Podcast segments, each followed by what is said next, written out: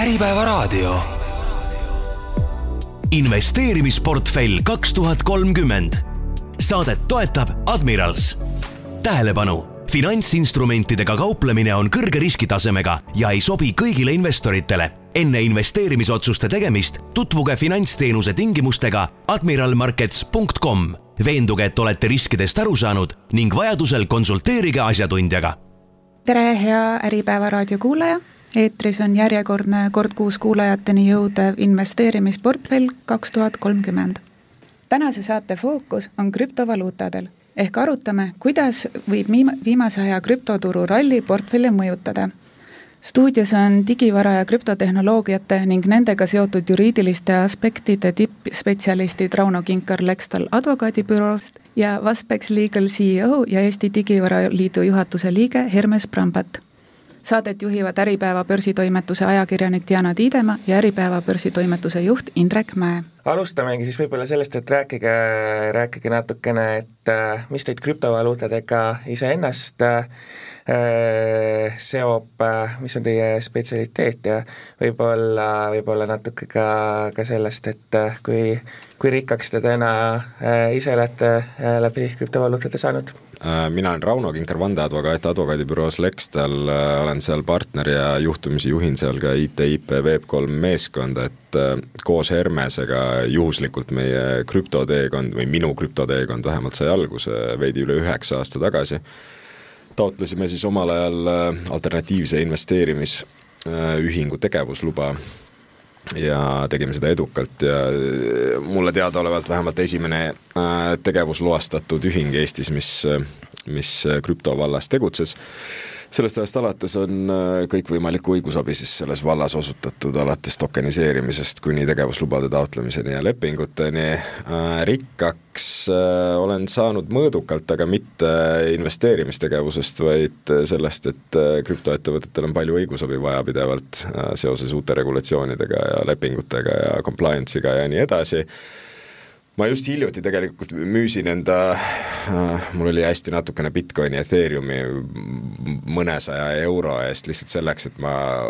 hoiaksin silma peal ja oleksin kursis, kuidas asjad, asjad toimivad, aga mulle ei ole meeldinud kunagi ise sellesse investeerida lihtsalt sellepärast, et ma olen liiga sügavalt selles sees, investeerin äh, mujale. ja teie?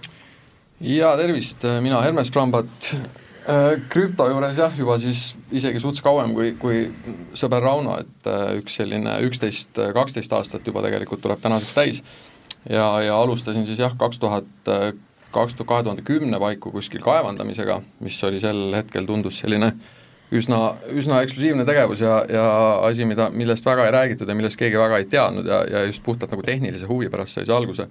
ja sealt siis õige kiiresti nagu niisugusest magamistoast äh, või garaažist edasi läksime nagu professionaalsele tasemele ja lõime enda, enda, enda esimese suurema nagu niisuguse krüptokaevanduse kontorihoones ja siis lõpuks sealt edasi jõudsime Nordcoin Mininguni, mis täna tegutseb siis äh, VKG elektrijaamas Ida-Virumaal ja ja natukene ka Ameerikas ja nüüd varsti ka Soomes.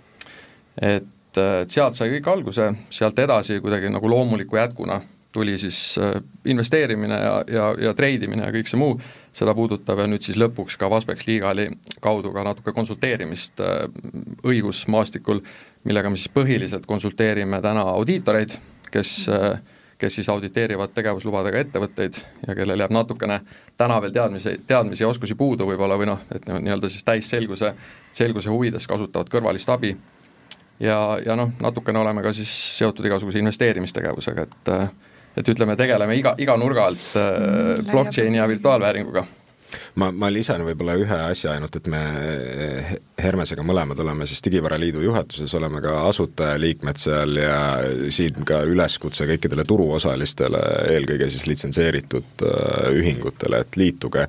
see on hea viis, kuidas riigiga dialoogi pidada ja me oleme suhteliselt lähedal regulaatorile ja siiamaani on väga hea koostöö olnud just, et see on võib-olla hästi oluline, et see, see, see maastik, mis ta oli kaks tuhat kümme ja mis sellest on saanud tänaseks, et täna me ikkagi oleme juba liikunud sellisesse olukorda, kus meid võetakse nagu noh, seda sektorit siis pean ma silmas, võetakse nagu tõsiselt, regulaatorid on äh,, regulaatorid on seda väga tugevalt reguleerimas nii Euroopa kui siis kohalikul tasandil ja, ja me hetkel teeme siis omalt poolt kõik, et et Eesti äh, ettevõtlusmaastik äh, oleks võimalikult soodne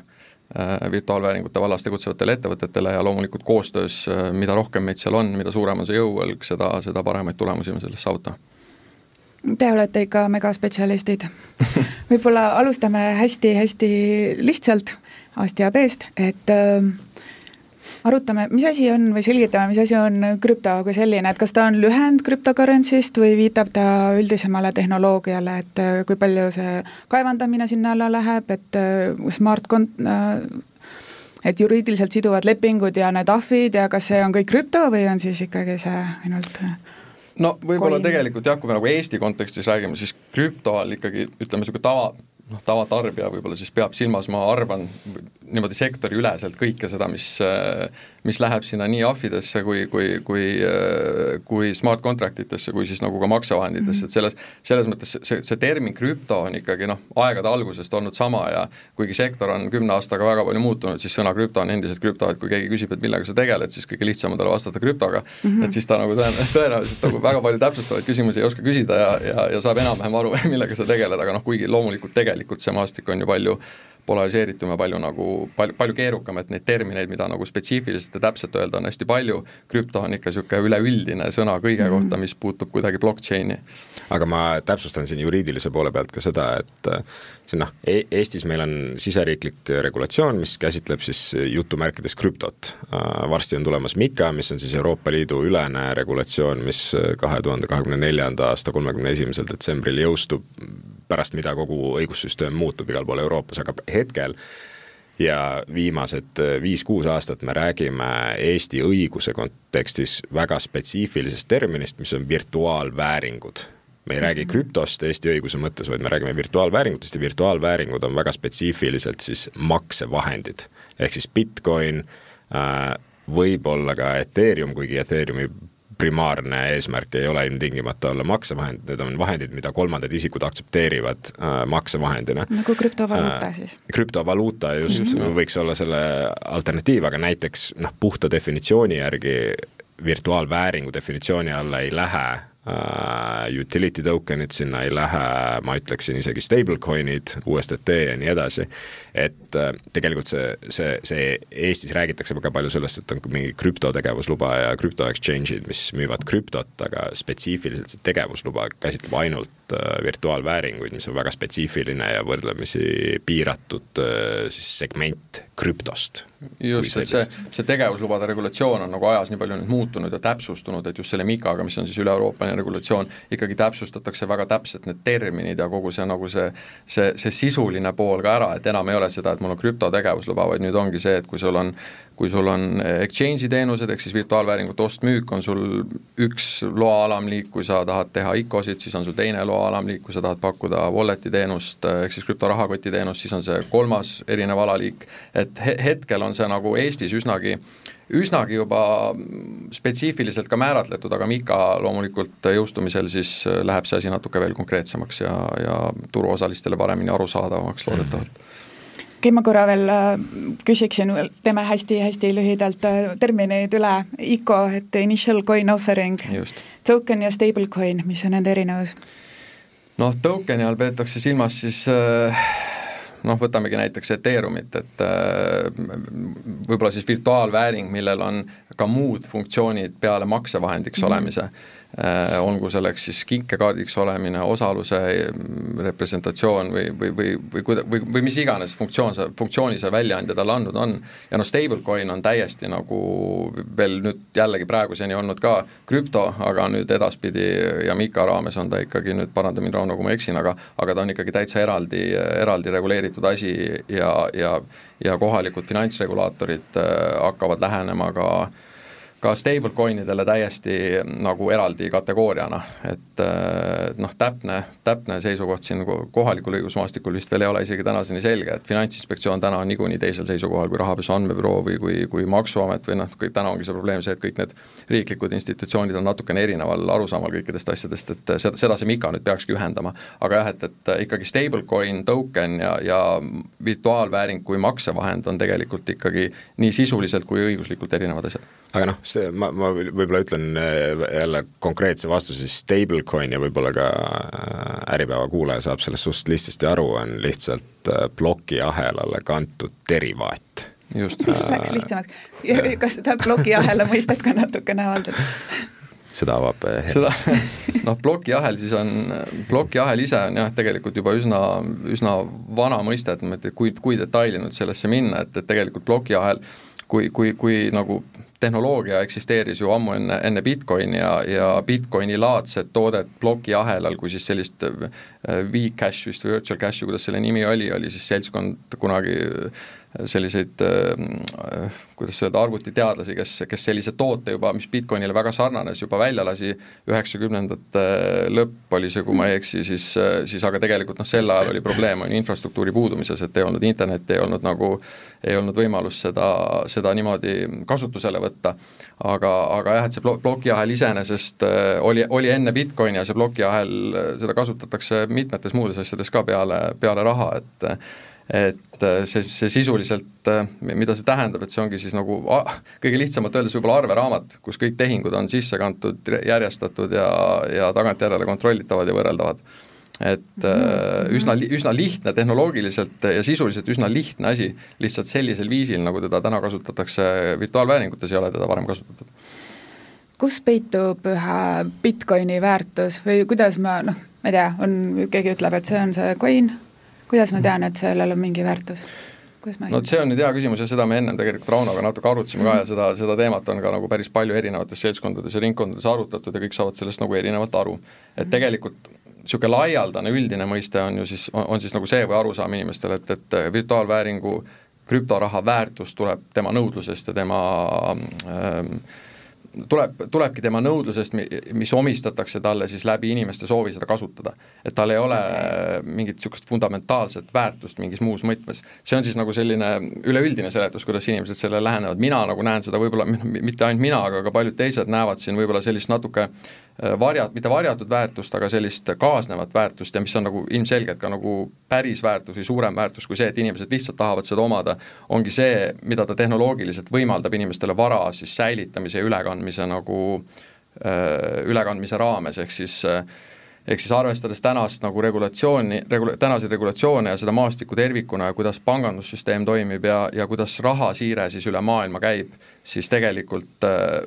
Bitcoin, kui räägime, kui me räägime konkreetselt näiteks Bitcoinist, siis Bitcoini kõige suurem väärtus minu silmis ongi see, et ta võimaldab selle omanikul teda liigutada ükskõik kust kohast, ükskõik kuhu kohta, ilma igasuguse muretsemiseta, et seda liigutamist kuidagi takistatakse või piiratakse või kontrollitakse. ehk siis noh, kõige lihtsam näide võib-olla äh, finantssüsteemi globaalne terviklikkus, äh, kui paljudel inimestel maailmas on üldse ligipääs äh, finantsvaradele, ehk siis äh, noh, meie oleme harjunud, et meil on pangakaart ja meil on telefonimaksed ja, ja kõik muu selline, aga kui me räägime Aafrikast, Indiast, Aas-, Aasiast, kohtadest, kus äh, väga paljudel inimestel puudub üldse äh, võimalus äh, finantssüsteemis osalemiseks ja raha kasutamiseks, siis aga, aga, aga enamustes nendest kohtadest on inimestel olemas ligipääs mobiiltelefonile. ma tahtsin küsida, kas nad internetti siis omavad, et jah, vaat, vaat see nüüd veel paar aastat tagasi ei olnud nii ilmselge, aga täna seoses Elon Musk'i Starlinkiga ja, ja siis okay. ka mõningate muude, tegelikult neid ettevõtteid on veel, kes on lähiajal tulemas välja mm -hmm. analoogidega siis äh, muutub internet kättesaadavaks kõigile inimestele maailmas, aga automaatselt ei muutu kättesaadavaks raha. ja, ja Bitcoin ja muud siis maksevahendid just äh, tähendavad seda, et, et äh, rahandussüsteemiga, niisuguse globaalse rahandussüsteemiga saavad liituda võib-olla pluss miljard inimest et, et tal on see väärtus kindlasti olemas ja kogu see detsentraliseeritus selle juures veel on hästi, hästi nagu äh, kasulik sellele asjale selles osas, et et noh, inimesed, kes äh, Aafrikas ilmselt äh, või, või Aasias, paljudel inimestel pole dokumentegi, et, et sa ei saa nagu pangakontot ega muud, muud viisi kuidagi kasutada selleks, et enda vara hoida, liigutada või koguda või, või, või, või mida, mida muud sellega teha, et et jah, mina näen see kõige suuremat väärtust krüpt-, krüptorahal kui sellisel ikkagi selle vaba liikumist mm. -hmm liigume natukene edasi lähemale meie saate peateemale, et äh, krüptovaluutade hinnad on viimasel ajal märkimisväärselt tõusnud. ja näha on, et äh, finantsstaaridel on äh, suur optimism, et see jätkub, et Michael Saylor ütleb, et tõenäoliselt nõudlus suureneb veel kümme korda ja ARK Invest omanik Cathy Wood on erinevate väljaannete vahendusel teatanud, et see hind ühele coin'ile saab olema kas viissada tuhat või seitsesada tuhat või lausa poolteist miljonit dollarit. et mis te arvate, mis selle tõusu taga on? noh, selle tõusu taga on mitu erinevat faktorit koos, et selles mõttes praegult on huvitav aeg, et, et me oleme nagu noh, kui me täna räägime ka kindlasti Bitcoini ETF, spot Bitcoini ETF-idest, mida, mis nüüd Ameerikas hakkavad kohe loodetavasti riburada pidi tulema, siis äh, varasemalt ütleme, me oleme selles tsükli äh, Bitcoini kasvusükli siis sellises olukorras, kus on tulemas halving, mis tähendab siis seda, et Bitcoini block reward'id, päris palju ingliskeelseid termineid, eesti keelde on neid võib-olla raske panna natuke, poolitamine. po,, poolitamine jah, et, et siis nii-öelda need kaeva, krüptovaluuta kaevandajad või krüptovaluuta võrgu ülevalhoidjad siis hakkavad saama poole vähem tasu selle eest ühikutes, siis virtuaalvääringu ühikutes, mis tähendab omakorda seda, et need kaevandajad seda virtuaalvääringut enam sellise hinnaga ei müü, sest et nende sisendkulud lähevad suuremaks, mis tekitab omakorda hinnatõusu. aga nüüd lisaks sellele on siis äh, teadaolev fakt, et tõenäoliselt Ameerika Ühendriikides kohe-kohe väljastatakse siis esimene nagu spot äh, ETF-i luba äh, BlackRockile tõenäoliselt, mis on siis maailma suurim varahaldur ja, ja need kaks asja koosmõjus, ehk siis et likviidsust jääb poole vähemaks, turule tuleb järjest vähem krüptot ja samas nõudlus kasvab tohutult palju just selle arvelt, et Ameerikas saavad ligipääsu siis Bitcoinil, Bitcoini investeerimiseks fondid ja, ja äh, asutused, kellel varem seda võimalust ei olnud just õiguslikult. et ETF-i, spot ETF-i turule tulek võimaldab Bitcoini investeerida äh, väga suurtel fondidel, kellel varem oli see puhtalt investeerimispoliitika tõttu keelatud selle halvingu osas me just autos arutasime ka, et, et kuidas seda nagu kõige paremini seletada, et miks tal võiks olla mõju hinnale, siis kui praegu me kinnisvaraturult noh, kuuleme samasuguseid küsimusi, et kuidas on võimalik, et ühest küljest justkui nagu väidetavalt majandus langeb, inimeste ostujõud väheneb ja nõudlus kinnisvara järele samuti võiks nagu ootuspäraselt väheneda, siis ikkagi kinnisvara hinnad tõusevad pidevalt ja põhjendatakse seda vähemalt osaliselt siis sellega, et sisendi hind äh, kallineb, et ühe maja ehitamine on lihtsalt objektiivselt kallim ja see läheb kinnisvara hinda kohe äh, otsa juurde ja selle halvinguga päeva lõpuks on see olukord ju täpselt sama, et äh, et pärast halvingut ühe Bitcoini kaevandamine maksab elektriarves lihtsalt kaks korda rohkem, eeldusel, et see transleerub ka selle müügihinda, siis äh, peaks, peaks see, peaks see hind tõusma, küsimus sealjuures on siis see, et kas see nõudlus äh, selle tokeni järele tuleb järele sellele sisendi hinna tõusule, noh, seda ja see, ja see ongi see miljoni dollari küsimus, eks. just, noh varasemalt on olnud olukord, kus ütleme, iga nelja aasta tagant umbes on see suurusjärk, on see halving event või siis see pool, poolituse event, event, kus need äh, minerid saavad poole vähem äh, tasu selle töö eest, mis nad teevad, siis tavaliselt ei ole sellega nagu kokku langenud äh, sellist sündmust, nagu on see täna praegune see Bitcoini ETF-i loa nagu väljastamine, et et ütleme, sellist kapitali juurdevoogu turule ühe hetkega, nagu sellest Bitcoini ETF-ist tõenäoliselt tuleb, sellist asja pole kindlasti krüptoturg varem näinud. et, äh, et see, need kaks asja just koosmõjus ilmselt avaldavad väga suurt mõju. loomulikult siin on ka kolmas faktor, mis, mida, mida tuleb äh, tuleb arvesse võtta, on majanduse üleüldine seis, et, et, et teistpidi vastuargumendiks võib tuua selle, et et krüptovaluutad ei ole tänase, noh, krüptovaluutad ju leiutati siis nii-öelda sellisel kujul, nagu nad täna on, kaks tuhat kaheksa, mis oli siis just meie nagu sügava maja, eelmise majanduskriisi sees ja, ja, ja ütleme, et et krüptovaluutad ei ole täna elanud üle ühtegi kriisi sellisel viisil, et nende kasutuse ajal oleks tulnud majanduskriis, ehk siis täna on olnud põhimõtteliselt kahe tuhande kaheksandast, üheksandast aastast alati ainult ülesmäge kogu tee. et noh, me, me ei ole täna näinud seda, me ei tea seda, mis mis saab siis, kui, kui globaalmajandus peaks nüüd nagu märgatavalt äh, äh, siis halvenema kogu, näiteks kas siiamaani on väga suur korrelatsioon olnud ju aktsiaturgudega mm -hmm. virtuaalvääringul, et et täna me tegelikult näeme seda, kus esimest korda ajaloos võib-olla on märgatavalt, hakkab see korrelatsioon nagu kaduma, et ehk siis, et kui kui, et need liikumised ei ole enam nii üks-ühele seotud, nagu nad vanasti olid, et see, see kõik on väga huvitav, me, me ei ole sel-, sellist aega ei ole nagu varem olnud, et see kümme aastat oleme me seda või või rohkem natuke, siin kolmteist aastat on see virtuaalvääring nagu nii-öelda finantsmaailmas tegusid teinud, et aga, aga see on kindlasti uudne olukord, kus me täna oleme sest et see nii, nii palju suuri asju korraga ei ole varem kokku sattunud mm. -hmm. keskendume veel natukene sellele Bitcoini ETF-ile, näiteks kui nüüd tavainvestor Eestis tahaks äh, ka kuidagi sinna investeerida või sellest osa saada, siis kas tal on see võimalus ja kui on, siis mis ta tegema peaks? No tavainvestoril äh, on jah, see võimalus olemas, mitte küll selles kontekstis, nagu me rääkisime Ameerika ETF-idest, BlackRockist või Vanguardist või kes, kes neid seal täna, täna neid lubasid taotlevad, et äh, Sinna Eesti, just, et Eesti investorile alates kahe tuhande kaheksanda, kaheksateistkümnendast, tähendab Euroopa investorile alates kahe tuhande kaheksateistkümnendast on on USA ETF-idesse investeerimine keelatud, seda õiguslikku tagamaad võib Rauno kohe seletada, äh, aga küll on olemas alates selle aasta augustist Amsterdami börsil E, Euroopa esimene spot Bitcoin ETF, millesse kõik saavad investeerida, mille tikker on siis Bcoin ja täiesti olemas ja täiesti töötab, küll, küll jah, on see, et Euroopa ETF-ide mahud ei ole võrreldavad äh, Ameerika mm -hmm. mahtudega, et, et, et, et, et kindlasti see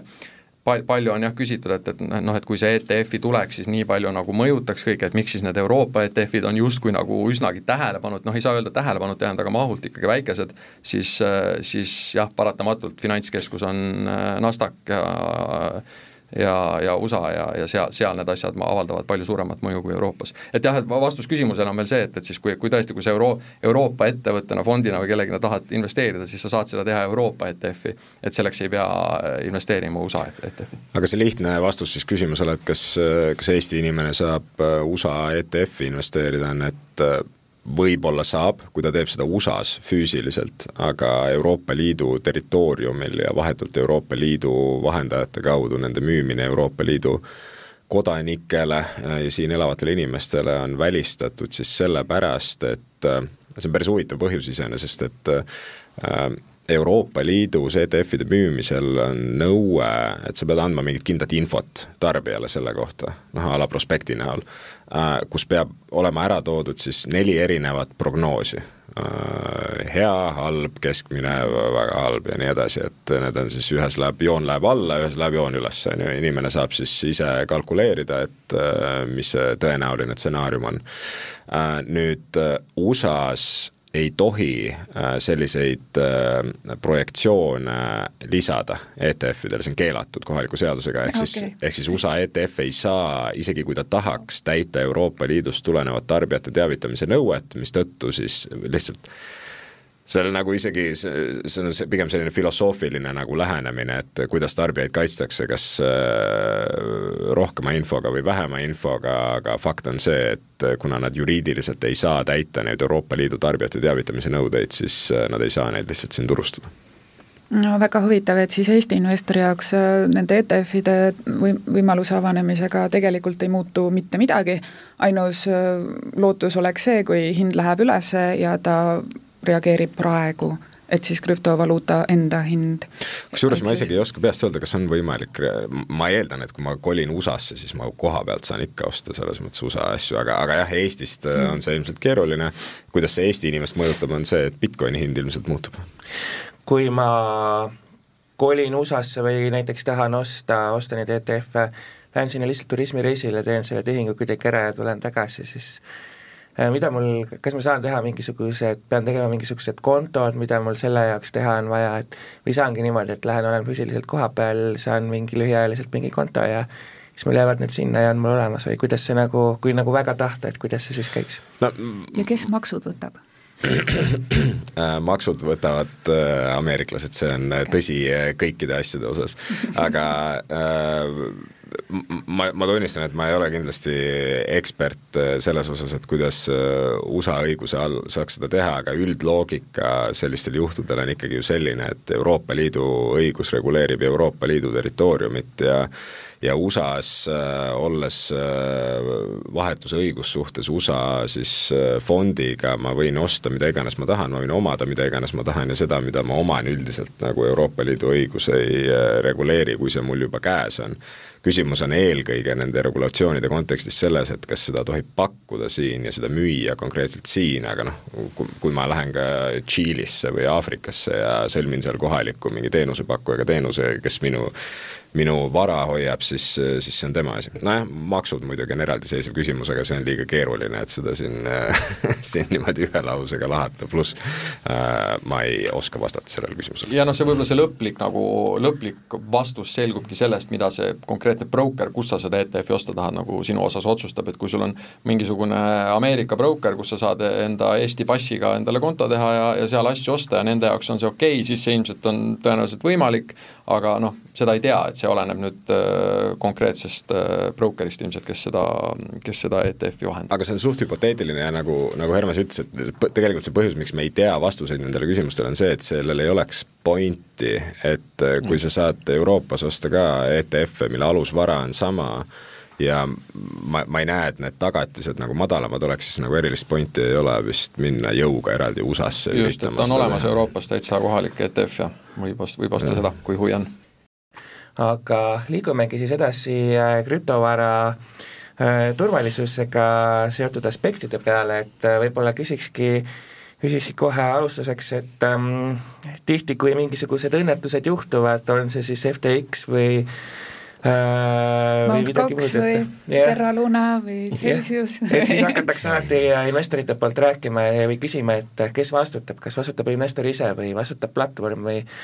või äh, kelle otsa ma peaksin vaatama, kui, äh, kui ma oma rahast ilma jään?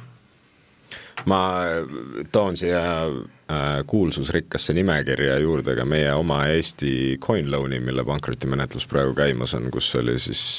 kahesaja miljoni jagu äh, on kahesaja miljoni jagu võlausaldajaid, ehk siis tarbijate raha ja likviidset vara on seal circa kuuekümne jagu praegu pankrotihalduri äh, selgituste järgi, et äh, äh, see on igal juhul aktuaalne teema ja, ja ETF vahetult tegeleb selle küsimusega. ETF-i mõte päeva lõpuks ju tavainvestori jaoks võikski olla see, et mul on mingisugune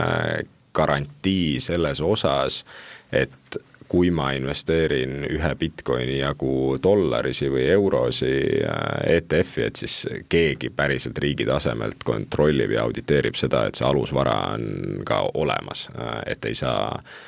ähm, ei saa äh, see lihtsalt kuhugi ära kaduda. Ja, ja, ja see probleem on sedavõrra aktuaalsem, et äh,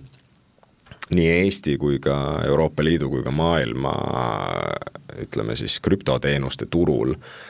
standard viis, kuidas investeerida krüptosse jutumärkides, on ju teha endale konto tsentraliseeritud exchange'is, kanda raha sinna ja vahetada see siis seal äh, noh, a la Krakeni või Binance'i või mis iganes äh, kontol äh, Bitcoinideks ja Ethereumiks ja nii edasi ja siis olla õnnelik selle üle, et mul on äh, krüptoraha portfoolio, noh,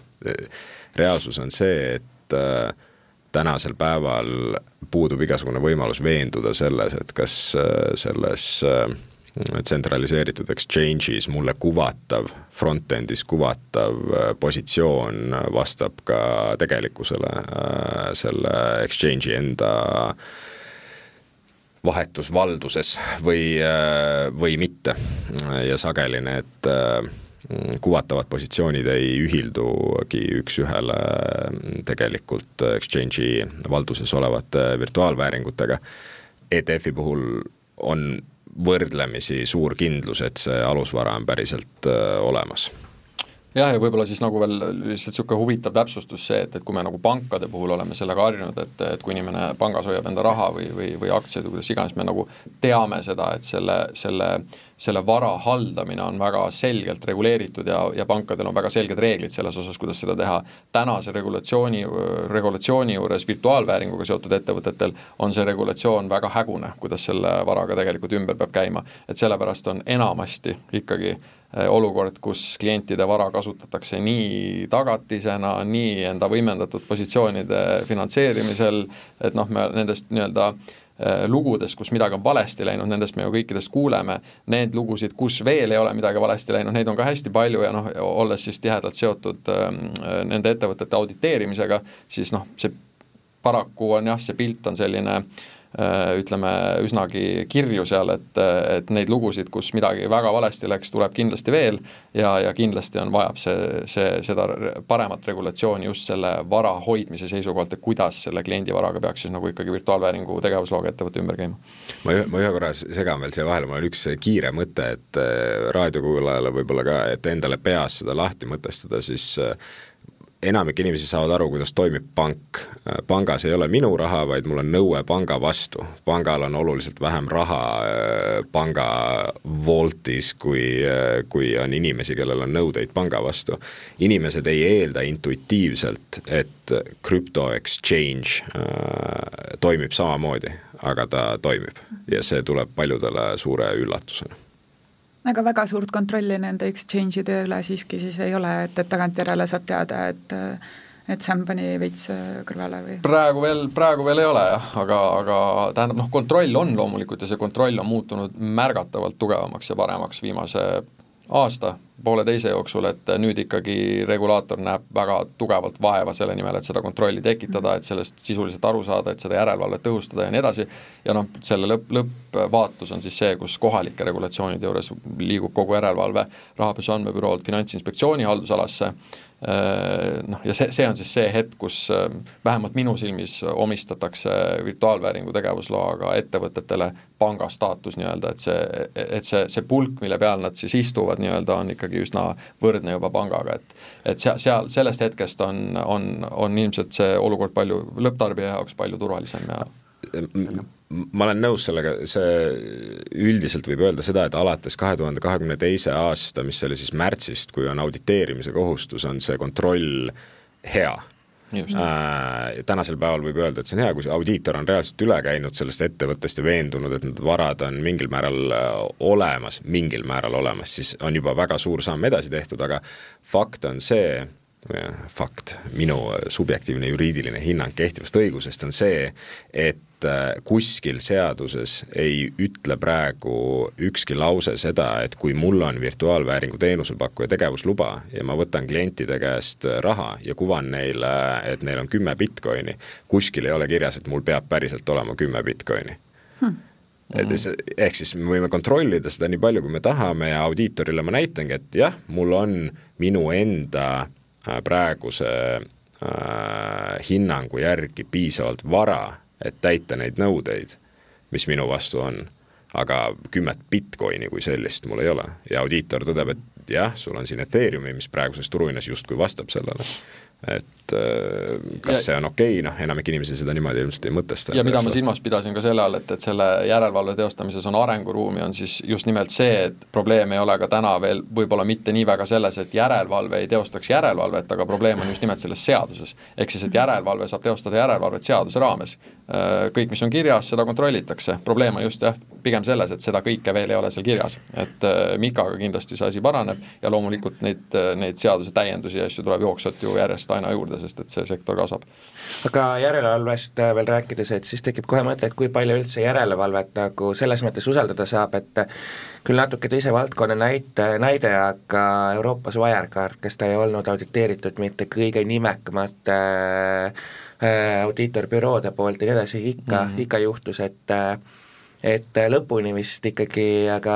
audiitor ei suuda tagada turvalisust. absoluutselt, äh, audiitor kindlasti ja, ja neid audiitoreid just nagu Wirecardi näite puhul, neid audiitoreid võib tõesti olla, kogu Big Four võib olla sinna kaasatud. Äh, ja ikkagi oskuslikku, ütleme, et kui mingist hetkest, kui masinavärk on piisavalt suur, siis nagu inglise keeles ongi see termin, et too big to fail, et see, see kindlasti kehtib äh, nii, nii Wirecardi laadsete ettevõtete puhul kui ka, kui ka mõningate virtuaalvääringu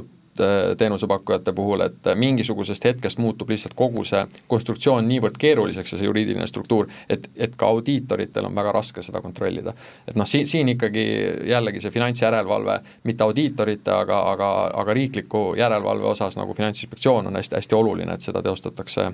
põhjalikult ja õieti kui igal regioonil on äh, oma mingisugused regulatsioonid, kas see detsentraliseeritus siis natuke ära ei lagune või, või et äh, no jällegi, mis nurga alt võtta, et, et detsentraliseeritus selles osas äh, et noh, see, see on nagu täna, et, et inimene saab enda Bitcoin'e nii-öelda või virtuaalvääringuid siis käidelda tsentraliseeritult või detsentraliseeritult, et, et seal on nagu variante, kui sa kasutad endal näiteks teenusepakkujat, võtame siis Bitstampi, Krakeni, Coinbase'i, kelleks iganes, kus on siis kokku kogutud väga suure inimeste virtuaalvääringut, siis ta justkui võtabki niisuguse oma nagu natukene tsentraliseeritud mõõtme, samas kui mm -hmm. sa mhm. kasutad enda raudvaralist äh, ja raudvaralist lahendust enda virtuaalvääringute hoiustamiseks nagu Trezori wallet'id, mis iganes asjad, et siis mm, -hmm. siis sa nagu käitled seda nagu äh, noh, oma nii-öelda äranägemise järgi, et, et see, keegi ei saa reguleerida sinu Trezori wallet'it, et noh, loomulikult sa saad, sa saad panna mingisuguseid üleüldisi õigusraamistikke, kuidas sa virtuaalvääringutega tohid käituda, mida sa nendega teha tohid, aga aga noh, regulatsioonid ikkagi eelkõige puudutavad kõige enam just nimelt neid tsentraliseeritud suuri ettevõtteid, kes vastutavad ja kes käitlevad väga suures äh, hulgas vara, et et eraisikuna regulatsioonide teke ei muuda sinu jaoks justkui väga midagi äh, keerulisemaks, ettevõtete jaoks küll mm. -hmm, ma toon, ma, ma, ma toon selle, sellise näite siin, et, et äh, meil on olemas äh, pangandusvõrgustik ülemaailmne, kus on võimalik raha liigutada ja lisaks meil on sularaha olemas, et sularaha on suhteliselt detsentraliseeritud mm, -hmm. pangandus on -hmm. äärmiselt tsentraliseeritud. nüüd virtuaalvääringute ja krüpto osas räägitakse palju detsentraliseeritusest, kuigi minu tagasihoidlik arusaam on see, et valdav enamus äh, krüpto äh, äh, on põhimõtteliselt tsentraliseeritud, ongi suurtesse tsentraliseeritud exchange idesse, enamik raadiokuulajatest, kes sisenevad sellesse valdkonda, ostavad endale Bitcoini, teevad seda läbi kas LHV või Binance'i või Blocktrade'i või mis iganes muu suure exchange'i äh, ja seal äh, detsentraliseerimisest rääkida ei ole mitte mingisugust mõtet, mhm. tegemist on äh, tavaliste finantsasutustega, mis toimetavad täpselt samas kontekstis, küll aga ja, järjest väiksemaks muutub see detsentraliseerituse osakaal ka krüptomaailmas, eriti ETF-ide tulekuga ja nii edasi, ja lõppastmes meil ongi täpselt samasugune duaalne süsteem, nagu -hmm. meil praegu on, et sul on mingisugune marginaalne osa majandusest, mis toimub sularahas, see on veits selline sketši, on ju aga samas äh, lubatud, sest et äh, sa ei saa keelata inimestel vahetult väärtust vahetamast, aga valdav enamus äritegevusest ka krüpto osas ka tarbijatepõhiselt saab olema ikkagi täiesti tsentraliseeritud ja mingisugust detsentraliseerimist seal ei ja noh, te tegelikult detsentraliseerim-, detsentraliseerituse osa siin nagu vestluses kaitstes, siis see DeFi on ju ka samamoodi väga arenev, arenev sektor ja, ja DEX-id ehk siis detsentraliseeritud exchange'id on, on ka endiselt väga levinud, lihtsalt see vahe ongi selles, et et neid tekste, noh, võtame kas või Metamask või mis igased, igasugused brauseripõhised pluginad, siis neid kasutab ikkagi ainult väga teadlik kasutaja. Siin ongi see vahe, et et iga inimene, kes tahab osa saada sellest, et krüpto hind tõuseb, teeb seda läbi Krakeni, Coinbase'i või mõne muu täiesti tsentraliseeritud äh, finantsteenuse pakkuja, samas äh, inimene, kes on huvitatud sellest tehnoloogiast, kes on huvitatud selle äh, funktsionaalsuste katsetamisest ja nii edasi, tema uurib alati variante, mida saab, äh, mida saab kasutada lisaks tsentraliseeritud lahendustele kas keegi aitab õppida ka neid äh, lahendusi kasutama? jaa, neid on palju, neid on noh, selles mõttes, et kes tahab, saab väga lihtsalt selle selgeks, et mm, -hmm. et ütleme, et need kasutaja, kasutajakeskkonnad on tehtud äh, ja see kasutus ise, nende lahenduste kasutus on tehtud kliendil ikkagi võimalikult lihtsaks ja väga lihtsaks, et et ainult piisab Youtube'ist äh, natukene või guugeldamisest natukene ja, ja tegelikult iga inimene on võimeline ära õppima, kuidas neid asju kasutada. Hermes peaks võib-olla koolitussarja hakkama läbi viima. Bitcoini koolitus mm. -hmm aga igasugune reguleerimine ja turvalisus äh, teatavasti maksab, kes selle kinni maksab äh,, kui mida rohkem reguleerida, ma kujutan ette, et seda seda väiksemaks muutub lõpuks äh, tootlus äh, lõpptarbijale ehk siis investorile või ei? Noh, see, ütleme, see tsentraliseeritus jälle maksabki seda kinni suuresti, et suured äh, turuvedajad, äh, ka, ka minu teada on ju ka Eestis niimoodi, et äh, finants, Finantsinspektsiooni vastutusalas tegutsevate ettevõtetega ei ole mina nii palju isiklikult kokku puutunud, aga, aga ka seal on ju järelevalvetasud minu teada mm -hmm. kehtestatud, et äh, täpselt sama, sama olukord on ka sellega, et et kui, kui tsentraliseeritult tegutsevale finantsettevõttele regulatsioonide tõttu lisakulud tekivad, siis loomulikult peegeldatakse need lisakulud lõpptarbijale ja, ja päeva lõpuks makstakse see teenustasudega ka kõik kinni. ja, ja noh, üldiselt vähemalt hetkel, hetkel olevas turufaasis ei ole küll nagu seda, seda osa nagu märgata, et ütleme noh, ole, olles ise väga kursis nende regulatsiooni puudutavate kuludega just konsulteerides virtuaalvääringu tegevusluba omavaid ettevõtteid, siis siis seda nagu otseselt märgata ei ole, et need kulud nüüd oleksid nii suured või nii nagu koormavad, et ke-, kellelgi selle pärast midagi tegemata jääks. Äh, üks päevakajaline teema, mis siit äh, viimased äh, nädalad on meediast läbi jooksnud, on Rain Lõhmus ja tema kadunud krüptovõti, et hästi, hästi naiivne küsimus, aga ikkagi äh, küsin kuulaja huvides ära, et kindlasti on paljudel käinud mõttest läbi, et äh, krüptovõti kui selline, et arvaks ma selle vaid ise kuidagi ära või paneks mõni programmi seda, mõne programmi seda arvama, et siis ma saaksin ju tänases vääringus äh, pool LHV grupi väärtusest äh, lihtsa vaevaga, et mis te, mis te selle kohta ütlete, on, on mingisugune arvuti, millega kas Rain Lõhmus ise või keegi teine võiks veel suuta seda võtit meenutada? noh, täna see, see legend on siin äh, nii-öelda krüptomaastikku liikunud ju juba väga palju aastaid ja, ja alguses eh, kes, kes arvas, et see on mingi väljamõeldud jutt, kes, kes seda uskus, noh nüüd on tänaseks selge, Rain Nõhmus on seda ka ise öelnud, et, et see on täiesti, täiesti õige jutt ja ja on olnud mitmeid erinevaid äh, seltskondi ja inimesi, kes on üritanud Rain Lõhmust selle teemaga aidata selle eest on ka väga märkimisväärne nii-öelda tasu pakutud inimestele või ettevõtetele, kes suudaks selle probleemi tema jaoks lahendada, aga tänaseni pole keegi seda teha suutnud. Et, et see, sellele küsimusele nagu ühtselt vastata või selgitust anda, et, et kuidas taastada kadunud krüptovõtit, see on natukene liiga selles mõttes laialivalguv küsimus, et et krüptovõtme säilitamiseks ja, ja hoiustamiseks on nii palju erinevaid viise selle krüpteerimiseks ja nii edasi, et võib olla võti, mis on krüpteeritud, mis on omakorda krüpteeritud ja et et see nüüd, kui keeruline Rain Lõhmusel enda võtit taastada on, oleneb nüüd väga konkreetselt sellest, mis äh, tarkvaralist lahendust ta üldse kasutas, et selle krüptovõtmega ümber käia, et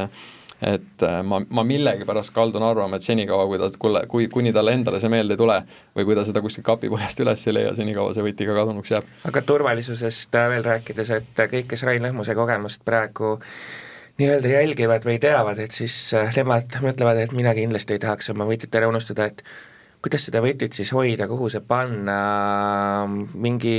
safe safe'i sisse ja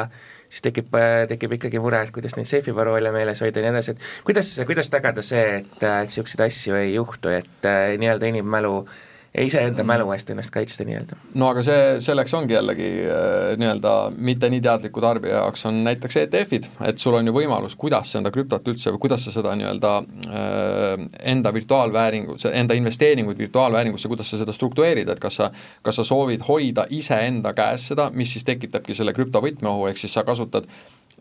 raudvaralist või, või, või, või ka, ka kas või siis paberkandjal lahendust, et enda krüptovõtit nagu säilitada, aga siis on see puhas sinu vastutus, kui sa ise kaotad ära, unustad ära, mingil muul viisil see hävineb sinu tegevuse või kellegi teise tegevuse tõttu, siis ongi nagu sa oled ise selle eest vastutav ja midagi teha ei ole. kui sa iseennast ei usalda ja kardad, siis on sul alati võimalus võtta custodian lahendus, ehk siis nagu Äh, suunata see risk siis kolmandale osapoolele, kasutades siis keskseid tsentraliseeritud lahendusi, olgu selleks siis keda iganes sa usaldad, Coinbase või Bitstamp või Kraken, sellisel juhul saad sa olla kindel, et sinu krüptovõtmega vähemasti midagi ei juhtu. see, kas see äh, tsentraalne keskkond ise maksevõimeline on ja pankrotti ei lähe või, või läbi mingisuguse hä häkkimistegevuse tegevust ei lõpeta, siis tekib sul see risk, et ühe riski sa pead valima. et seal sellist lahendust ei ole, kus, kus kumbagi riski ei ole et äh, jah, see on igaühe valiku küsimus, kas ta usaldab ennast või ta usaldab tsentraalset äh, asutust äh, enda vara hoidma. no ma võin Eesti kontekstis öelda ka seda, et rahakotiteenus on selline asi, mis on meil seaduses kirjas ja mis teenust krüptoettevõtted osutavad, rahakotiteenus oma definitsiooni järgi seadusest tulenevalt ongi krüptograafiliste võtmete hoiustamise teenus oma olemuselt. Et et vastu, vastus ongi selles, et kui sa ei usalda enda kätte enda krüptovõtmeid, siis tuleb need anda mingisugusele äriühingule, kes neid hoiab. selleks on võimalik litsenseeritud äriühing valida, kes eelduslikult teeb seda siis turvaliselt, Eestis on neid päris mitmeid. teine variant on mitte otse investeerida krüptosse, osta ETF-e ja kolmas variant on neid ikkagi ise hoida, noh, ma, ma tunnistan, et selleks en-, enne kui jõuda küsimuseni, et kuidas ohutult hoiustada enda krüptovõtmeid, tuleks endale see valdkond väga äh, puust ja punaseks selgeks teha ja saada sellest tehnoloogilisest lahendusest aru ja seni, kuni seda ei ole tehtud, ei tuleks niikuinii sellega tegeleda, vaid hoida seda siis kas ETF-ides või reguleeritud teenusepakkujates. Meie saateaeg hakkab lõppema, aga mul on veel üks põletav küsimus, et äh, kuna te olete asjaga kindlasti hästi kursis, et äh, mis asjad on nutilepingud või targad lepingud ja kas nad päriselt, päriselt on nii nutikad, et et nad seovad mind juriidiliselt kellegi teisega? Äh, jah, see on täiesti omaette maailm jälle ja mm, -hmm. ja mhm. loomulikult ka väga kiiresti arenev maailm, et noh, kui me räägime nüüd klassikaliselt nut-, äh, nutilepingutest, siis võib-olla hea näide sellest äh, olekski siis Ethereum, mis on siis tänase, tänasel hetkel kõige kasutatavam äh, lahendus nutilepingute jaoks ja, ja nutilepingut noh, eks see ongi Ethereum, millest ta Bitcoinist erineb, ongi see, et kui Bitcoin näiteks on siis puhas nagu maksevahend ja valuuta mm, -hmm. siis Ethereum on juba võib-olla panemegi sinna juurde selle mõõtme, et ta on programmeeritav valuuta, ehk siis lisaks sellele, et on programmeeritav valuuta, saad sa ka sinna äh, tarkade lepingutega siis äh, lisada mi-, mis iganes tehinguid sa tahad sinna lisada, et selle töö põhimõte on, et äh, kuidas seda koodis seletada, ongi, et kui juhtub mingi asi, siis sellele järgneb, järgnev asi, ehk siis mida ta võimaldab, on noh, näiteks kas või me ennem rääkisime ICO-dest põgusalt, ühisrahastustest, et siis sa saad luua selliseid äh, ise auto, ise mõtlevaid autonoomseid lahendusi, et kui keegi tahab ühisrahastust korraldada, siis ta kannab teatud aadressile teatud hulga teatud virtuaalvääringut ja siis automaatselt saab siis vastu näiteks tokeneid või, või seda osalust esindavaid, esindavaid ühikuid, et seal on nagu igasuguseid põnevaid, põnevaid kasutusfunktsioone näiteks meditsiinis, logistikas, see, kuidas talletada infot siis eelnevalt kokku lepitud parameetrite alusel mm -hmm. ja võimaldada seda kättesaadavaks teha, seda eelnevalt kokku lepitud parameetrite alusel. et, et nad on ikkagi jah, et see, et väga selgelt eristuvad ikkagi, ütleme tavainimese jaoks on see kõik krüpto, on ju, aga tegelikult see smart contract'ite inf-, äh, ökosüsteemi infra tervikuna eristub väga selgelt maksevahendina äh, toimivatest krüptodest. aga keegi on tulnud teie juurde ka, et näete, siin on mu smart contract, aja asi korda ja siis sa ütled jep, jep. Rauno juurde kindlasti, jah. ma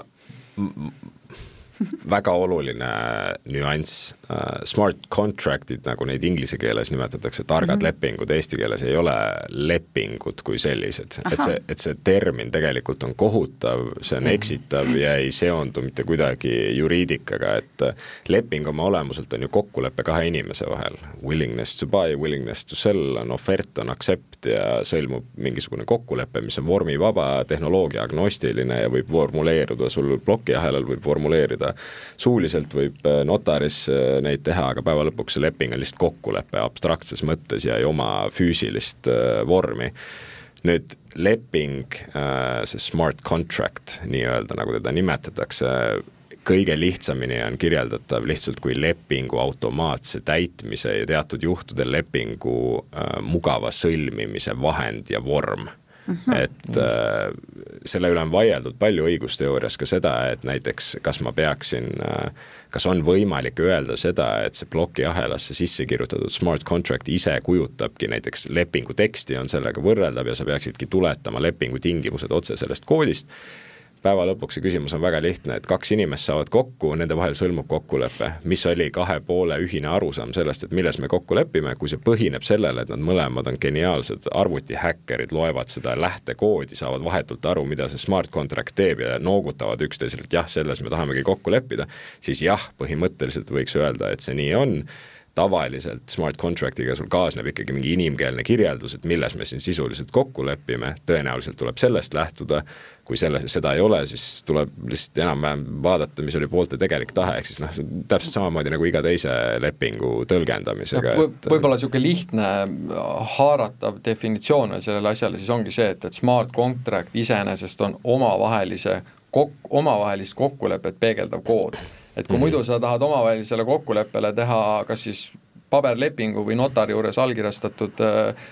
tehingu sõlmida, siis smart contract võimaldab sul teha seda ilma siis keskse tõestajata, vaid sa saad omavahel leppida kokku, et meil on selline kood, see kood garanteerib selle meie kokkuleppe täitmise ja mõlemad osapooled on sellega rahul mm. -hmm aga selline saigi tänane saade investeerimisportfell kaks tuhat kolmkümmend, meie saateaeg on lootusetult otsas, suured tänud äh, krüptospetsialistidele, äh, Rauno Kinkarile Lextal advokaadibüroost ja äh, Vaspex Legali tegevjuhile ja Eesti Digivara Liidu juhatuse liikmele Hermes Brambatile. ning investeerimisportfell kaks tuhat kolmkümmend on eetris taas kuu aja pärast, kuulmiseni! aitäh, et tulite! aitäh! aitäh!